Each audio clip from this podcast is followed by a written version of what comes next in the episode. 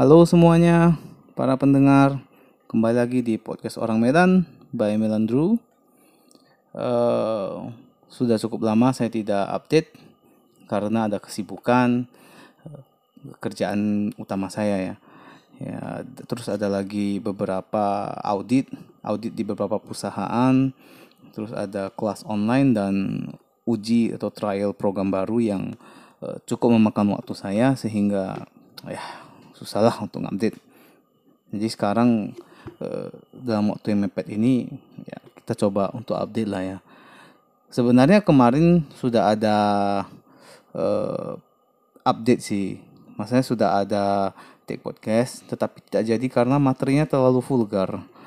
Jadi itu isinya saya dan istri saya bercuap-cuap dan terlalu banyak kata yang harus disensor jadi kita batalkan sajalah.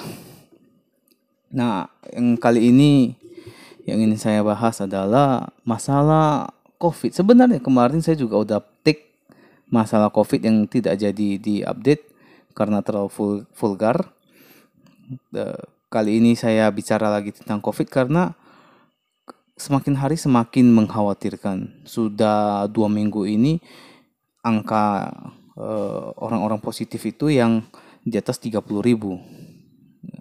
Dan itu hari ini 45 ribu, tanggal 27 Juli pada saat podcast ini diambil 45 ribu, semalam 28 ribu.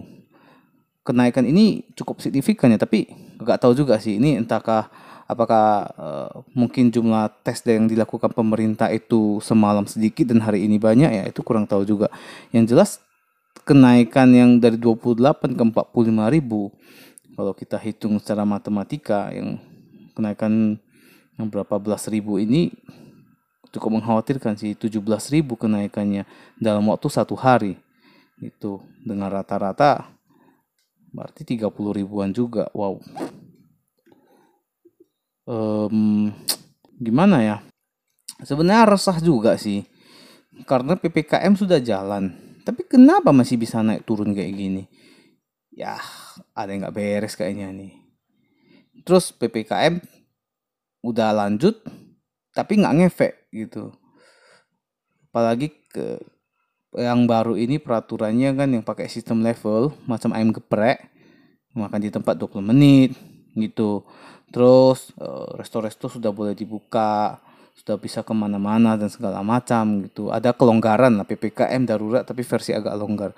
Yang menurut saya sebaiknya kenapa pemerintah tidak uh, kalau untuk yang rumah makan ya udah buat aja take away. Tetapi jangan dibatasi waktunya. Kenapa harus makan di tempat 20 menit? Sampai ada eh, pagi-pagi tadi kawan saya bilang dia ketemu tetangganya tetangganya komplain. Gitu. Tangga sama-sama buka rumah makan nih. Tangganya sampai komplain. Jadi polisi di Indonesia sama tentara di Indonesia itu udah jadi beda sama di negara lain. Jadi polisi sama tentara di negara lain itu kan menjaga keamanan. Itu kalau ada kerusuhan di barisan paling depan itu sekarang kenapa polisi dan tentara di Indonesia jadinya nanti ke depan ngawasi rumah makan? Ya enggak enggak aja sih. Ya menurut saya sih bagusnya tetap take away. Tapi ya jangan batasi waktu lah. Masa jam 8 suruh orang tutup? Buka jam 10 tutup jam 8 buka jam 10 pagi tutup jam 8 malam. Menurut saya hal ini cukup cukup mengganggu ya gitu. Bantuan dari pemerintah tidak ada tetapi waktu untuk kita mencari nafkah dibatasi. Jadi bagaimana? How can we cope with that? Bagaimana kita bisa mengatasi hal-hal kayak gitu kan? Orang juga butuh makan. Itu aja take away juga belum tentu tidak belum tentu selaris uh, kalau kita ada ditambahi dengan orang makan di tempat. Itu itu pun sudah pasti berkurang ya minimal minimalnya 30% 40% nggak ke mana lah. Itu rata-rata sih bilang hampir 50% itu waktunya dibatasi jadi ya, untuk saya sih agak-agak make sense sih. Kebijakan-kebijakan yang seperti ini yang seharusnya sih ya agak lebih bijak. Namanya kebijakannya agak lebih bijak lah gitu. Kebijakannya apakah dibuat dengan mendengarkan keresahan rakyat? Apakah dibuat dengan uh, kita mendengarkan uh, ini langsung dari pelaku usaha kecil gitu. Atau kita mendengarkannya hanya karena kita rapat bersama antar anggota anggota parlemen gitu. Yang saya rasa sih para anggota parlemen kan makan gaji dari negara ya. Jadi kayak kayaknya sih nggak mungkin ya bisa ada dapat kebijakan yang bisa mewakili keresahan rakyat. Udah gitu ya banyak lah ppkm yang membatasi jalan gitu. Kayaknya kayak, kayaknya nggak bermanfaat banget nggak berfaedah loh gitu. Jalan-jalan dibatasi terus e, dibatasi itu kalau kita nggak bisa oke okay, itu namanya pembatasan jalan gitu. Ini bukan membatasi jalan tetapi membuat kita mencari rute lain supaya kita bisa lewat. Akhirnya yang dibatasi itu tidak macet. Daerah tempat orang muter itu jadi macet. Dan itu yang saya alami beberapa kali. E, menurut saya sih apakah ini efektif? Ya kita melihat ya lihat aja lah angka perkembangan ini tiap hari di atas 30 ribu, 30 ribu. Yang paling rendah semalam 28 ribu, tiba-tiba 45 ribu lagi. Kan tanda tanya juga, terlalu gapnya itu terlalu besar gitu dalam satu hari. Dan kok di rata-ratakan dalam dua minggu ini semua di atas 30 ribu. Apakah PPKM berhasil? Saya rasa tidak. Kita lihat angka aja malah makin naik kan. Gitu. Berarti kan ada yang harus dirubah. Jadi rumusnya kan gini. Kalau kita melakukan hal yang itu-itu aja, hasilnya itu-itu juga kan. Kalau kita hanya merubah namanya doang menggunakan level, tetapi aturannya masih sama, hasilnya juga pasti akan sama dong. Namanya saja yang berubah. Gimana sih? Nah, terus keresahan lain adalah uh, semakin ke sini COVID ini kayaknya sudah menjangkau ke circle kita, sudah ke inner circle kita.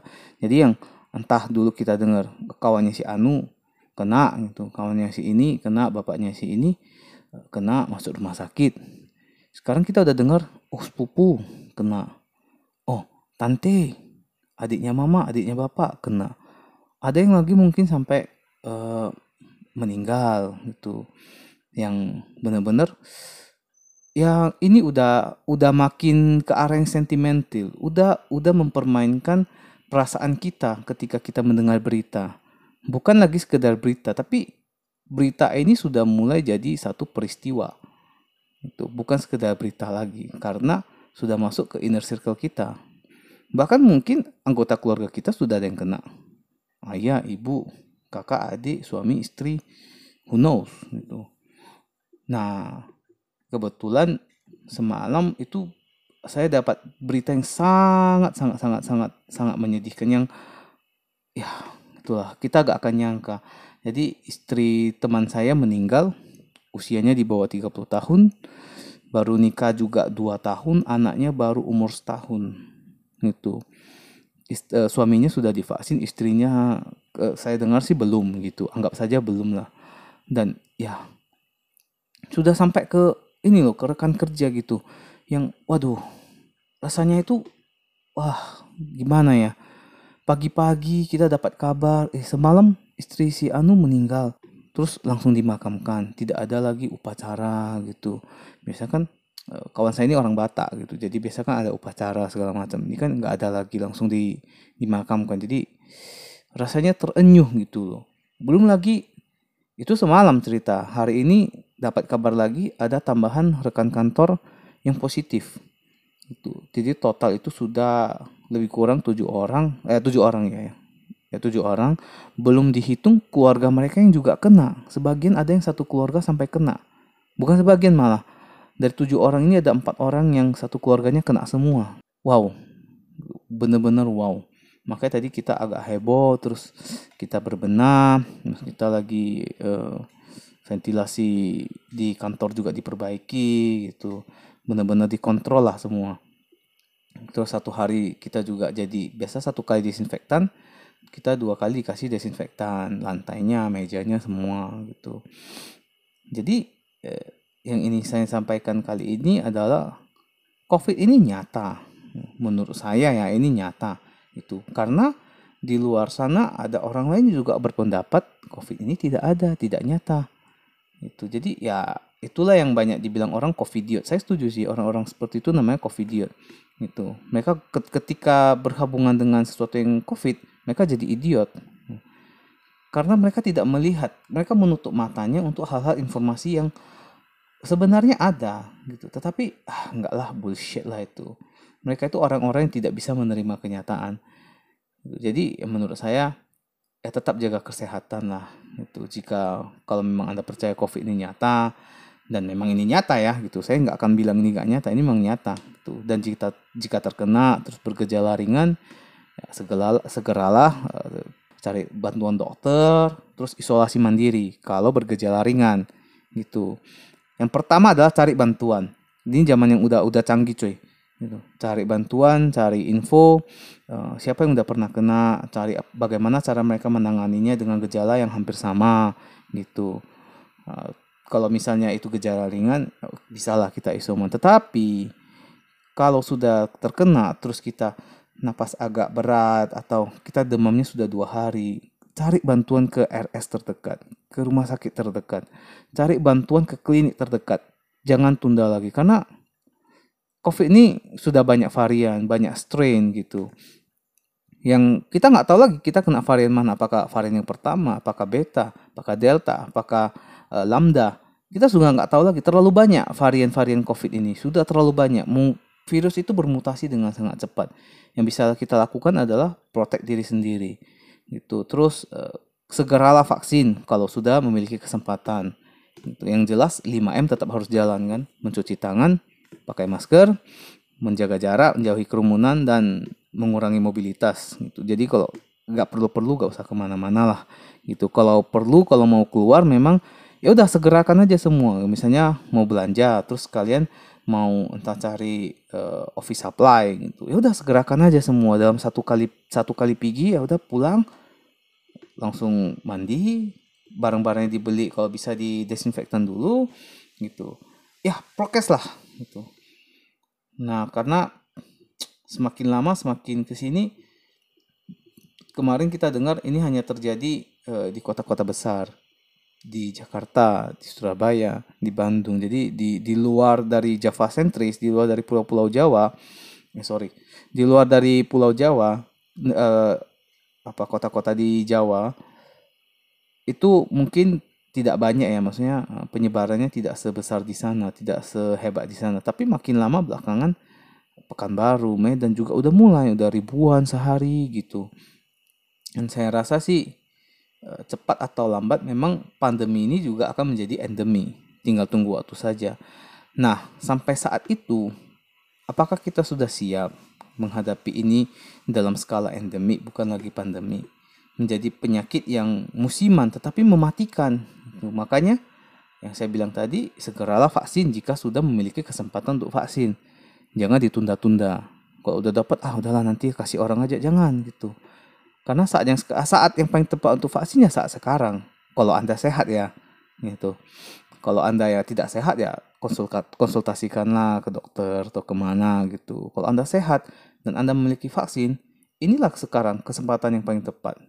Gak ada lagi tunda-tunda, gak ada lagi penyakit ini udah sangat cepat cuy dan pandemi ini saya rasa sih hanya bisa selesai kalau kita tangani bersama tidak ada sesuatu pekerjaan yang berat tidak ada sesuatu pekerjaan yang yang melelahkan yang akan selesai dengan sendirinya semua akan selesai kalau kita tangani bersama dan tetap berjuang sampai keadaannya lebih baik ya minimal kurva turun lah gitu jangan kena gimmick dari pemerintah. Pemerintah terlalu banyak gimmick, PSBB, PSBB transisi, PPKM, PPKN, keluarga negaraan. Udah macam pelajaran sekolah. Anak saya nanti 30 tahun lagi, eh gak 30 tahun lah, 13 tahun lagi nanti di buku pelajarannya itu banyak istilah PSBB, PPKM, itu KUHP, KUDA, KUDA, ya semualah. Yang saya rasa sih uh, itu cuma terjadi di Indonesia. Kalau di negara lain ya udah lockdown dan segala macam. Kalau Indonesia mah ya udahlah selain ya selain kita harus berhadapan dengan pandemi, kita harus hadapan dengan gimmick pemerintah ya, ya seperti inilah. Oke lah, itu aja pesan-pesan di podcast saya hari ini. Dan tidak banyak yang bisa saya sampaikan sih karena memang karena kesibukan Eh, sehingga saya harus menunda. Seharusnya sih ini udah episode keberapa jadi ini baru episode ke 7 ya. Yang semoga ke depan saya bisa lebih sering update Semoga kerjaan juga cepat siap dan ya semoga saya tetap sehat lah untuk bisa melanjutkan dan memberikan pesan-pesan yang kali ini sih cukup positif ya. Biasanya saya suka cakap kotor juga sih. Mungkin kali ini ya, pesannya agak serius. Jadi siapa pun yang mendengarkan ini tetaplah berjuang menghadapi pandemi ini. Kita sama-sama berjuang. Tetaplah sehat dan menjaga kesehatan dan tetaplah menjaga protokol kesehatan 5M terutama yang saya sebutkan tadi dan saling membantu jika bisa jika bisa saling membantu kalau ada teman yang membutuhkan bantuan mereka lagi terkena COVID dan mereka butuh bantuan dibantu itu hanya dengan cara seperti inilah pandemi ini bisa selesai dengan kita tangani bersama dan dengan pemikiran yang positif. Oke, sekian dari saya.